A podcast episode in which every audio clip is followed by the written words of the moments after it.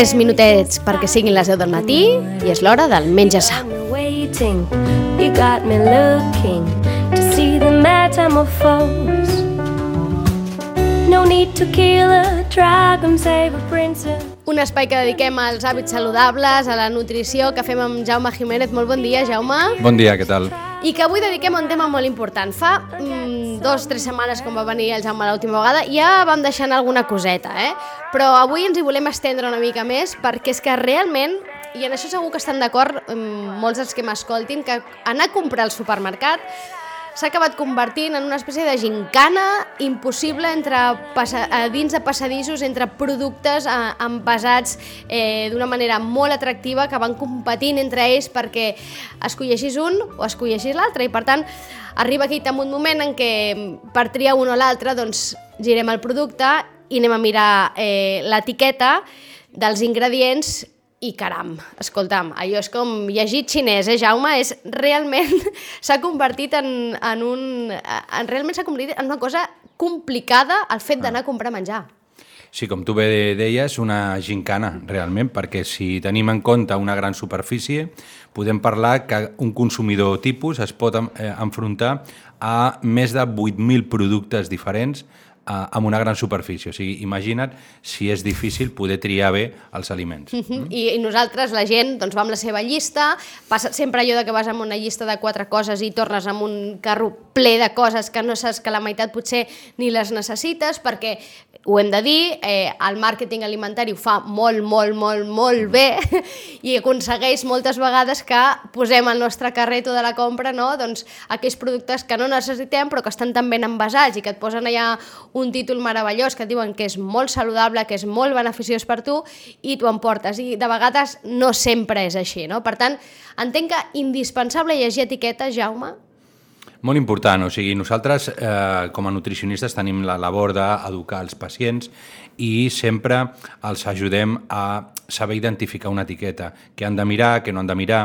Tu deies que el màrqueting és molt important, però jo també afegiria aquí que eh, si comprem en gran superfície, les grans superfícies també col·loquen estratègicament els, els, els aliments, o sigui, no només és la, la indústria, sinó també la, les empreses que comercialitzen això, perquè moltes vegades inclús podem parlar de que l'aliment eh, més saludable no és el que tenim més a mà, no? Moltes vegades... No és el que està a l'alçada dels ulls, Exacte. eh? Està sempre més amagadet. Exacte. Normalment l'aliment que està a l'alçada dels ulls és el que li dona més marge de benefici normalment al supermercat. Vale? Uh -huh. O sigui que hem de, hem de, sobretot hem de ser crítics i hem de saber què estem buscant. Eh? Uh -huh. Per tant, ja d'entrada no podem entrar al supermercat gaire relaxats. És a dir, mm. hem d'anar una mica tensos i pensant que ens intentaran eh, encolomar o vendre un producte que probablement no ens interessi o no sigui apte o saludable eh, per la nostra alimentació. Eh, anem a l'etiqueta, Jaume, vinga. Correcte. Eh, en què ens hem de fixar primer? Mira, el primer que hem de tenir en compte és que eh, tot el producte que comprem ha de tenir una etiqueta, perquè, de fet, la llei, a, a partir del 2016, va sortir una directriu que estableix molt clar quins són els requisits que ha de tenir una etiqueta. Eh, ha de tenir, eh, s'ha de posar el, el tamany de la lletra, de tenir un tipus de tamany i sobretot els ingredients. Això és molt important. Per què? Perquè normalment eh, és obligatori que els ingredients estiguin per ordre de eh, quantitat. Per tant, normalment el primer aliment ha de ser el que es troba amb més quantitat i així eh, progressivament. De manera que si nosaltres volem comprar un producte que pensem, per exemple, l'altre dia jo penjava a xarxes socials mm. una, una pasta que se llamava multivegetales, Sí. no? I tenia, eh, crec recordar que era un 2% de remolatge, quan el 98% era sèmola de trigo duro. Per tant, quan nosaltres mirem l'etiqueta, el que hem de mirar és sobretot quin és el primer ingredient o quins són els primers ingredients. I d'aquesta manera podrem saber si el producte que estem comprant porta o no porta mm -hmm. el que nosaltres volem. Això és molt important. Una pasta que, per cert, d'una marca molt, molt, molt coneguda, una pasta d'aquesta mm -hmm. que fan de colors, que posa multivegetals en gran enorme, que tu si només et fixes en allò, pots pensar que estàs comprant una pasta feta amb més vegetals i, per tant, més saludable, i resulta que quan gires eh, l'etiqueta, el primer ingredient, no?, i el, el gairebé majoritari, és la farina eh, de blat. Sembla de trigo duro amb un 98%, o sigui, tant- bàsicament és pasta. Exacte, bàsicament, per tant, de multivegetals, eh, poqueta cosa, diguéssim. Per- D'aquí la importància de llegir etiquetes. Per tant, primera cosa que hem de tenir en compte, anem als ingredients i el primer ingredient que aparegui, la primera paraula, sigui tomàquet, sigui sucre, sigui blat, sigui el que sigui, aquella primera paraula serà l'ingredient majoritari. Exacte, o aigua, perquè molts productes el primer ingredient és aigua. Que entenc que això ja ens diu molt, perquè si, per exemple, el primer producte és el sucre, doncs mm, ja saps que allò que estàs comprant, molt saludable, no ho serà, no? Evidentment, evidentment no, per això és important que també sapiguem que, que el sucre s'amaga eh, sota de moltes definicions. O sigui, el sucre, eh, moltes vegades esperem que, que posi sucre, però po podem trobar dextrosa, podrem trobar maltosa, podrem trobar eh, panela, eh, miel de canya, jugo de maïz, sirope, tot això... Maltodextrina, no? Exacte, tot això és sucre. O sigui que si és el primer ingredient, hem de saber que el que estem comprant és un producte que majoritàriament ens aporta sucre. Perquè, i en això, eh, la, la indústria alimentària també és molt intel·ligent i diuen si posem sucre i si posem la paraula sucre o azúcar, és igual, o, o, o sugar en anglès, la gent és molt intel·ligent i diu no ens ho compraran perquè saben que el sucre no és saludable. Per tant, posem totes aquestes paraules que sonen diferents, que la gent no sap el que són i així camuflem, però són sucre. Totes aquestes paraules que ara deia eh, en Jaume, sucrosa, fructosa, glucosa, dextrosa, maltodextrina, canya de sucre, nèctar d'àgave, mel de canya, melassa, xarop de blat, tot això és el mateix, equival a sucre. Per tant, eh, compta també amb les nomenclatures. Per tant, una cosa més a tenir en compte, eh? fixar-nos en el primer ingredient, que és el que és majoritari en aquell producte que estem comprant. Uh -huh. També, atenció, a aquestes, aquests eufemismes, diguéssim, eh, del sucre que i utilitza la indústria eh, alimentària. I què més, Jaume? En què més ens hem de fixar? Bueno, és important, el tema del sucre és fonamental, però també la llei el que ens diu és que eh, ha de posar el tipus d'oli que eh, porta el producte. Per tant, eh, hem de saber quin tipus d'oli, si porta oli vegetal, perquè ara ja especifiquen que has de posar si és oli de palma, si és oli de girassol, oli d'oliva, oli de coco, i llavors la quantitat de greixos saturats. Això és molt important perquè la quantitat de, de, de greixos, perquè sigui un producte... Clar, aquí, aquí trobem productes que són baixos en greix, no? que et diuen bajo en grasa. Hem de tenir cuidado perquè quan ens diuen producte baix en greix, moltes vegades el que porta és molt sucre. Per què? Perquè sigui palatable, perquè, sigui, perquè, perquè ens agradi. I això passa moltes vegades quan posen eh, sense sucre afegit, moltes vegades el que porta és molt de greix justament per millorar la palatabilitat. Per tant, hem de eh, prescindir d'aquests aliments que, que ens indiquin bajo en grasa, bajo en azúcar. Sí és important que sapiguem el que és. Per exemple, un producte baix en greix és aquest que porta menys de 5 grams de greix per cada 100 grams d'aliment. O sigui, aquell producte és baix en greix, però clar, si mirem l'etiqueta i el primer ingredient o dels primers que trobem són maltoses, sacaroses i tal, doncs evidentment no tindrà greixos, però ens estem menjant una quantitat de sucre molt important. Perquè anem també quina seria la, quina és la recomanació eh, saludable eh, en quant a quantitat de sucre? La quantitat de sucre, a veure, això és, és un mite que diuen, no, és que eh, més de 20 grams de sucre al dia... No, o sigui, la OMS el que diu és que eh, com a màxim, però no hi ha una ingesta segura de sucre. Jo sempre dic que el millor seria eh, prendre al mínim. El millor, 5 grams, però la OMS sí que és veritat que diu que a partir de, de 20 grams seria excessiu. 20 grams al, al dia. al dia. Clar. Compte, eh?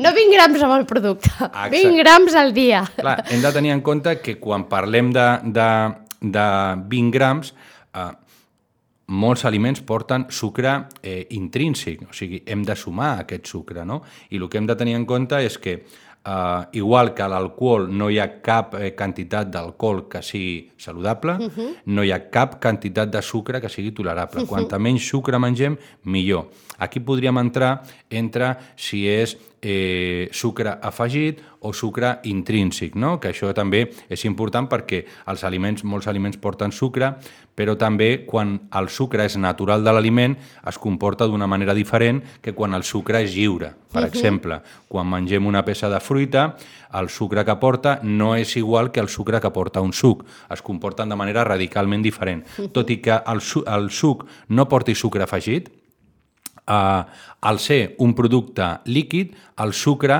es comportarà d'una manera molt més diferent que si ho mengem amb la fruita, que té fibra, que s'allibera lentament al cos, que a part porta, aporta vitamines, és radicalment és a dir, diferent. metabòlicament, mm. no? Entenc, metabòlicament Exacte. el sucre eh, funciona diferent, és a dir, i això és aquesta comparació que ens expliquen sempre els nutricionistes que és tan fàcil d'entendre.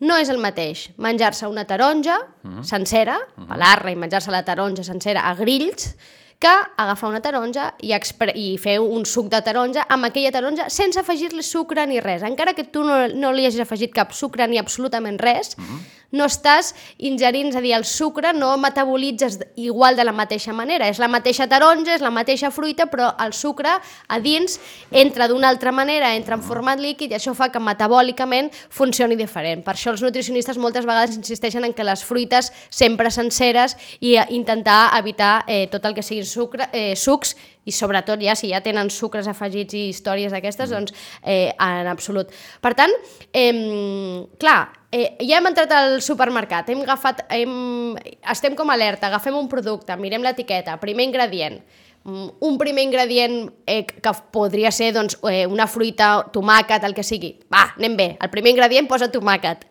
anem bé. Anem bé. anem bé. No hi ha, no hi ha eh, eh, fructoses, eh, matodextrines ni coses d'aquestes que són sucres. Eh, greixos, eh, els greixos saturats tampoc eh, també estan com més enrere. Però clar, de vegades la llista d'ingredients també és llarguíssima. Aleshores, què vol dir això? Perquè de vegades per, uns, per un tomàquet concentrat, per un pot de tomàquet, no? un tomàquet triturat, i veus una llista d'ingredients que dius, caram, si per fer tomàquet triturat a casa eh, jo només faig servir una mica d'oli i una mica de sal Exacte. i ja està. Bueno, perquè llavors ja estem parlant d'un producte processat o ultraprocessat. Eh? D'acord? Quan nosaltres tenim una llista d'ingredients molt llarga on hi ha eh, conservants, estabilitzants, eh, saboritzants, tot això ja estem parlant d'un altre producte, i és un producte processat o inclús ultraprocessat. Jo sempre aconsello, quan, quan ensenyem als pacients a la consulta etiquetes, jo els dic, ah, no, i em diuen, no, és que això és molt complicat d'entendre. Vale. Mira, tu agafes un, un, un paquet de flocs de cibada uh -huh. i mira l'etiqueta el que posa i entendràs el que jo t'estic dient. Allà no veuràs sucre, allà veuràs el primer ingredient quin és, allà no veuràs eh, conservants, estabilitzants, i després agafa un, un, un cereals d'esmorzar d'aquests eh, tan famosos ensucrats i mira l'etiqueta i podràs entendre de lo que jo t'estic parlant, no? Una llista d'ingredients i una altra llista d'ingredients. Les dues són pràcticament iguals, però el que posa allà t'ha d'ensenyar a quin és un producte més correcte i quin és un producte menys incorrecte. Per tant, mm? deduint d'això que estàs explicant ara, com menys ingredients hi hagi en aquesta llista d'ingredients de l'etiqueta, millor? Molt millor. També hem de tenir en compte quins ingredients hi ha. Obvi. Clar, per, uh mhm. -huh. Però quan menys ingredients vol dir que menys processos ha sofert aquell aliment, uh mhm. -huh. fins a arribar a la nostra taula. Jo sempre dic que és bo que comprem aliments que es troben de manera natural a, a la natura. Quan, clar, la major, el 90% dels aliments que, que s'anuncien no són necessaris. Si no s'anunciessin, no els coneixeríem. Per tant, hem de comprar aliments que es trobin de manera natural. O sigui, que jo entenc que és difícil avui dia, i tu parlaves dels sucs, no? Uh -huh. Això és un dilema que tenim, bueno, però el suc de taronja natural que jo em faig a casa és, és dolent per la salut? No és dolent per la salut. Jo no sóc, uh, o sigui, jo no criminalitzo el suc, si tu prens un suc, esporàdicament, no? Eh, natural, te'l fas a casa, evidentment no porta fibra, el sucre s'absorbirà molt ràpid, et provocarà un pic de, de sucre, eh, baixarà molt ràpid, tindràs més gana de seguida, metabòlicament es comporta d'una forma, no? però eh, si tu eh, eh, pots escollir millor fruita, eh, doncs sempre serà molt millor. Estaràs més saciat, eh, tindràs més fibra, aniràs millor al lavabo, o sigui, tindràs uns hàbits més correctes, perquè quan mengem molts aliments eh, rics en sucre lliure, com el suc mm. i tot això, el que ens genera és una descàrrega brutal a nivell de papil·les gustatives. Llavors, què passa? Que el nostre paladar s'acostuma a aquests aliments tan ensucrats. I després mengem una fruita o mengem una verdura o mengem un altre aliment i no li trobem molt el sabor. I això té a veure amb el que estem entrenant al nostre eh, paladar. I això és important que també ho tinguem en compte, perquè no només és com es comporta metabòlicament el producte, sinó quin efecte té sobre els meus sentits. En aquest cas, a, en el tema del gust i en el tema de l'olfacte. Eh? Clar, a més, i això del suc de taronja és interessant parlar-ne, eh? perquè ara la majoria de superfícies tenen aquesta màquina eh, de sucs de taronja que mm. tothom es pensa que, que està més amb la fruita, és a dir, està col·locada allà on està la fruita, sí. al costat de les taronges, hi ha les bosses de taronges o les taronges perquè les agafis a pes, i aquesta maquineta on veus les taronges que van rodolant o van passant per aquell circuit i s'acaben transformant en suc.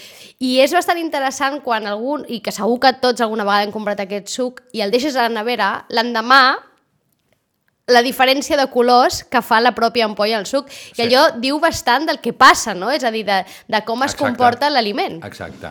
I a part d'això jo voldria afegir eh, cuidado amb aquestes taronges de eh, Mozambique, Sud-àfrica, tot això, perquè a part de, de ser eh, menys sostenibles, perquè generen una, una, Òbviament. una, una huella de, de, de carboni molt gran, a sobre, eh, també estan en qüestió perquè eh, eh, poden portar fitosanitaris que no estan autoritzats a la Unió Europea. Per tant, cuidado també amb tot això, perquè hem de ser cada vegada més conscients del que estem menjant i eh, aquí, al nostre país, tenim molta oferta de, justament de taronja. No? Per tant, cuidado amb tot això perquè hem de ser eh, consumidors conscients uh -huh. i hem de tenir consciència de lo que estem menjant nutricionalment, però també de quina petjada això està deixant sobre el planeta. Ara que estem parlant de sostenibilitat, de, del malbaratament eh, uh -huh. d'aliments, que això també ja parlarem un altre dia de com poder fer-ho. Sí, eh? tant, i superinteressant. I, eh, I sobre el que deies ara, no? fruites i verdures que no tenen aquestes etiquetatges que tenen altres productes perquè mm. no són ultraprocessats, són eh, productes eh, naturals,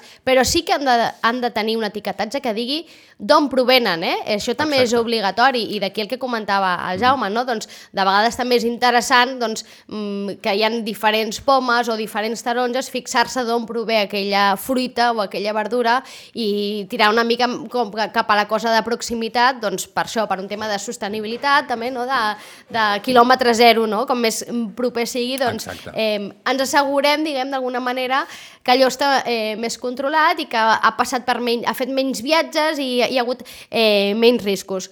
Tornem a l'etiqueta, si et sembla, Jaume. Mm. Hi ha algun producte, algun nom, ja, és que ja no dic producte perquè no, però algun nom sí. que apareguin, que aparegui de tant en tant a les etiquetes, que sigui... És a dir, quan veiem aquell nom hem de dir descartat?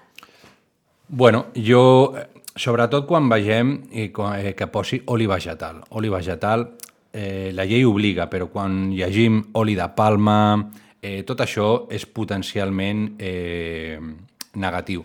I voldria fer un, fer un, un afegit amb l'oli de coco que s'ha posat tant de sí, moda. No? Sí. A l'oli de coco eh, hi ha molts defensors, hi ha molts detractors, però si fem ciència, que és el que hem de fer, el que tenim en compte és que la composició de l'oli de coco predominantment són àcids grassos saturats. Per tant, es comportaran pràcticament igual que si mengem embotit. I, I algú dirà, no, com pot ser? No, és veritat.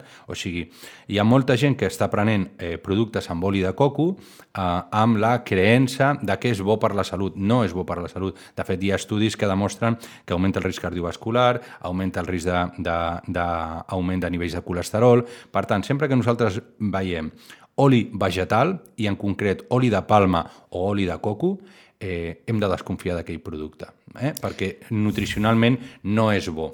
Si a sobre aquest producte porta sucre, més de 5 grams per cada 100 grams, estem parlant d'un producte que té sucre i té greix. Per tant, quan menys mengem aquest aliment, doncs molt millor. Molt millor. I, i això, ara que deies això de l'oli de coco i l'oli de palma, i, eh, en definitiva, els olis vegetals, eh, aquí ja descartem bastants productes, eh? I perquè ta, apareixen moltíssims productes, apareix l'oli de palma, que a més també apareix a vegades amb un altre nom, Pot ser, és a dir, de vegades no diu oli de palma, que diu alguna de palm no sé què, o palma... Palmit... eh, o... Bueno, ara, ara el fiquen com a palmitoleico, hi, Sí. hi, ha, hi ha diferents opcions, però l'oli de palma, a part de ser perjudicial per la salut, també és un producte molt poc sostenible. Mhm. Realment, per, per, eh, per produir l'oli de palma eh, hi ha molta deforestació justament per això, no? O sigui que hem de tenir en compte una miqueta tot. Només seguint aquests, aquests eh, consells que ha dit el Jaume, aquests tres, eh? Mira el primer ingredient, que és el majoritari, i si aquest primer ingredient no ve ser un producte natural, ja d'entrada descartar-ho. E intentar que eh, el, tot el que sigui sucre i greixos saturats sigui el, el més baix possible i estigui, per tant, al final de tot d'aquesta llista d'ingredients, que la llista d'ingredients no, super, o sigui, no sigui llarguíssima, quan és una llista d'ingredients llarguíssima vol dir que això està molt, molt, molt, molt, molt processat, i els olis vegetals també descartar-ho. Només fent això, probablement haurem descartat gairebé El un per- 80%. el 80% dels productes que hi ha. I I, tant. aleshores, clar, ara és quan algú vindrà i dirà caram, però aleshores què compro? Bueno, eh, aliments que estiguin de manera natural a la natura, el que jo he comentat. És a dir, vegetals... Produ produ producte fresc, eh, producte que estigui envasat però que tingui la seva arrel natural. Unes llegums, per exemple, si les netegem, traiem gran part, que parlaré també del sodi, que és un ingredient que no Sí. hem parlat, que també és important que el Vinga. tinguem en compte. Mhm. Per què? Perquè el sodi eh, es considera que un aliment és alt amb... Això és un tema que, que volia comentar també, perquè a partir de do, del 2016, des del meu punt de vista, va ser una errada perquè abans eh, el, a l'etiqueta posava la quantitat de sodi Sí. i ara ho van canviar per quantitat de sal. Què passa? Que la sal no és sodi. La sal porta un 40% de sodi. Llavors, quan deien, deien bueno, quanta quantitat de sal porta un producte? Ara eh, molta gent no sap quanta quantitat de sodi, perquè amb problemes com la hipertensió, etc tenen que controlar el sodi, no la sal. Per tant, eh, hem de tenir en compte que un gram de sal porta eh, un 40% de sodi, o sigui, 400 mil·lígrams. Sí. I què és un producte alt amb sal? Aquell que porta eh, més d'un gram de sal per cada 100 grams d'aliment. Jo aconsello que totes aquestes persones que compren gazpacho envasat mirin eh, la quantitat de sal que porten i veuran que porta molt més d'un gram per cada 100 mil·lilitres. Eh, perquè molta gent pren el gazpacho aquest preparat, Sí. perquè és molt pràctic, molt fàcil, Sí, pensant que t'estàs menjant un aliment molt saludable, Saludable. i, evidentment, és molt més saludable que altres però és un producte també molt ric en sal, o sigui que no podem comparar el gazpacho que jo faig a casa meva amb el gazpacho que compro de marques que són molt bones, però que evidentment porten una quantitat de sal, perquè no ens oblidem, la sal és un conservant. Per tant, tot el producte eh, eh, diguéssim, processat, porta sal com un additiu per conservar-lo, però també per augmentar el sabor. Mm? Llavors, cuidado amb la sal, perquè també la sal el que fa és que absorbim més quantitat de sucre. Per tant, si comprem un aliment que porta molt sucre i a part porta molta sal, eh, cuidado, cuidado. Aquí tindríem la- l'explicació moltes vegades de per què la gent eh, té aquests índexs de sobrepès i moltes vegades diuen, no, és que jo menjo bé. Bueno, què és menjar bé? Clar, és i diu, jo menjo bé perquè bec gazpacho d'aquest envasat, suc de taronja matí. cada dia per esmorzar, clar, i d'entrada pot semblar saludable. I aquí està el tema, eh? no es tracta en absolut de crim, perquè és que ara hi haurà algú que potser estigui hiperventilant que ens, ens Clar, està dient segur, segur. home, ara m'has m'has eliminat tot el que jo menjava. No, no es tracta, al final el que s'intenta, no entenc, i sobretot els nutricionistes intenteu, és que eh, eh, no ens equivoquem i considerem saludable allò que no és realment saludable. És a dir, no passa res per prendre's un gazpacho envasat, no passa absolutament res. Faltaria més. Exacte, però hem de saber, quan ens el prenem, hem de ser conscients que estem prenent un producte amb excés de sal. Ja està. És de la mateixa manera que quan prenem una cervesa o una copa de vi, hem de saber que estem prenent alcohol i que no és saludable. Això no significa que no ho puguem prendre o que, sí, que estiguem fent una cosa terrorífica, perquè no, de vegades també ens cura l'ànima i això mm, entenc que també hem de trobar equilibri aquí, eh? Perquè Psicològicament és molt important eh, que ens trobem bé, però so sobretot hem de ser consumidors conscients. Mm. Hem de ser conscients del que estem menjant i el que li estem donant a la nostra família. No ens oblidem d'això, mm. perquè molt, mm, la nostra família pues, menja el que nosaltres comprem. Llavors, això és important que també ho tinguem en compte perquè eh, jo entenc que és molt ràpid eh, un suc eh, i, una, i unes galetes o uns cereals eh, d'esmorzar, entenc que és molt ràpid, els que tenim fills ho sabem, però això és eh, pan para hoy, hambre para mañana, que es diu. Eh? Mhm. Després això pot comportar problemes de salut i greus, compte, greus, eh? que ja fa tres setmanes parlàvem d'obesitat infantil i ha problemes gravíssims en aquests moments a, a, a, amb aquest assumpte. Clar, és veritat que és una feina feixuga d'entrada aquesta de l'etiquetatge, que mm, el primer dia que t'hi trobes i vols fer-ho bé, eh, realment et tornes una mica eh, boig, però entenc també que la qüestió és agafar l'hàbit i un cop ja ho has fet, arriba un moment que ja saps quins són els productes que pots comprar i quins no, ja vas, diguem, a, a, a tret fet, no? Està clar. De fet, el lineal típic de, del terror, que jo sempre li dic, eh, és el lineal on trobem tot el producte ultraprocessat, no? Llavors això és fàcil, és agafar dos o tres productes d'allà, mirar l'etiqueta i després te'n vas a, a l'altre passadís una mica més, eh, més eh, eh, correcte i analitzes. O sigui, és una labor, jo sempre dic que quan els meus pacients, eh, primer comencem mirant la llista d'ingredients. Simplement això. Després anem un pas més enllà, mirem el sodi. Un altre dia fem el tema de, de, del sucre. Però a poc a poc, no, no, no, no, no ens hem de tornar bojos, com tu bé deies, eh, sinó simplement, bueno, doncs avui vaig a mirar això. I una altra cosa important és que quan anem a comprar eh, hem d'anar amb cert temps. Sé que avui dia eh, hi ha una epidèmia, a part del Covid i de l'obesitat, és l'epidèmia de la pressa.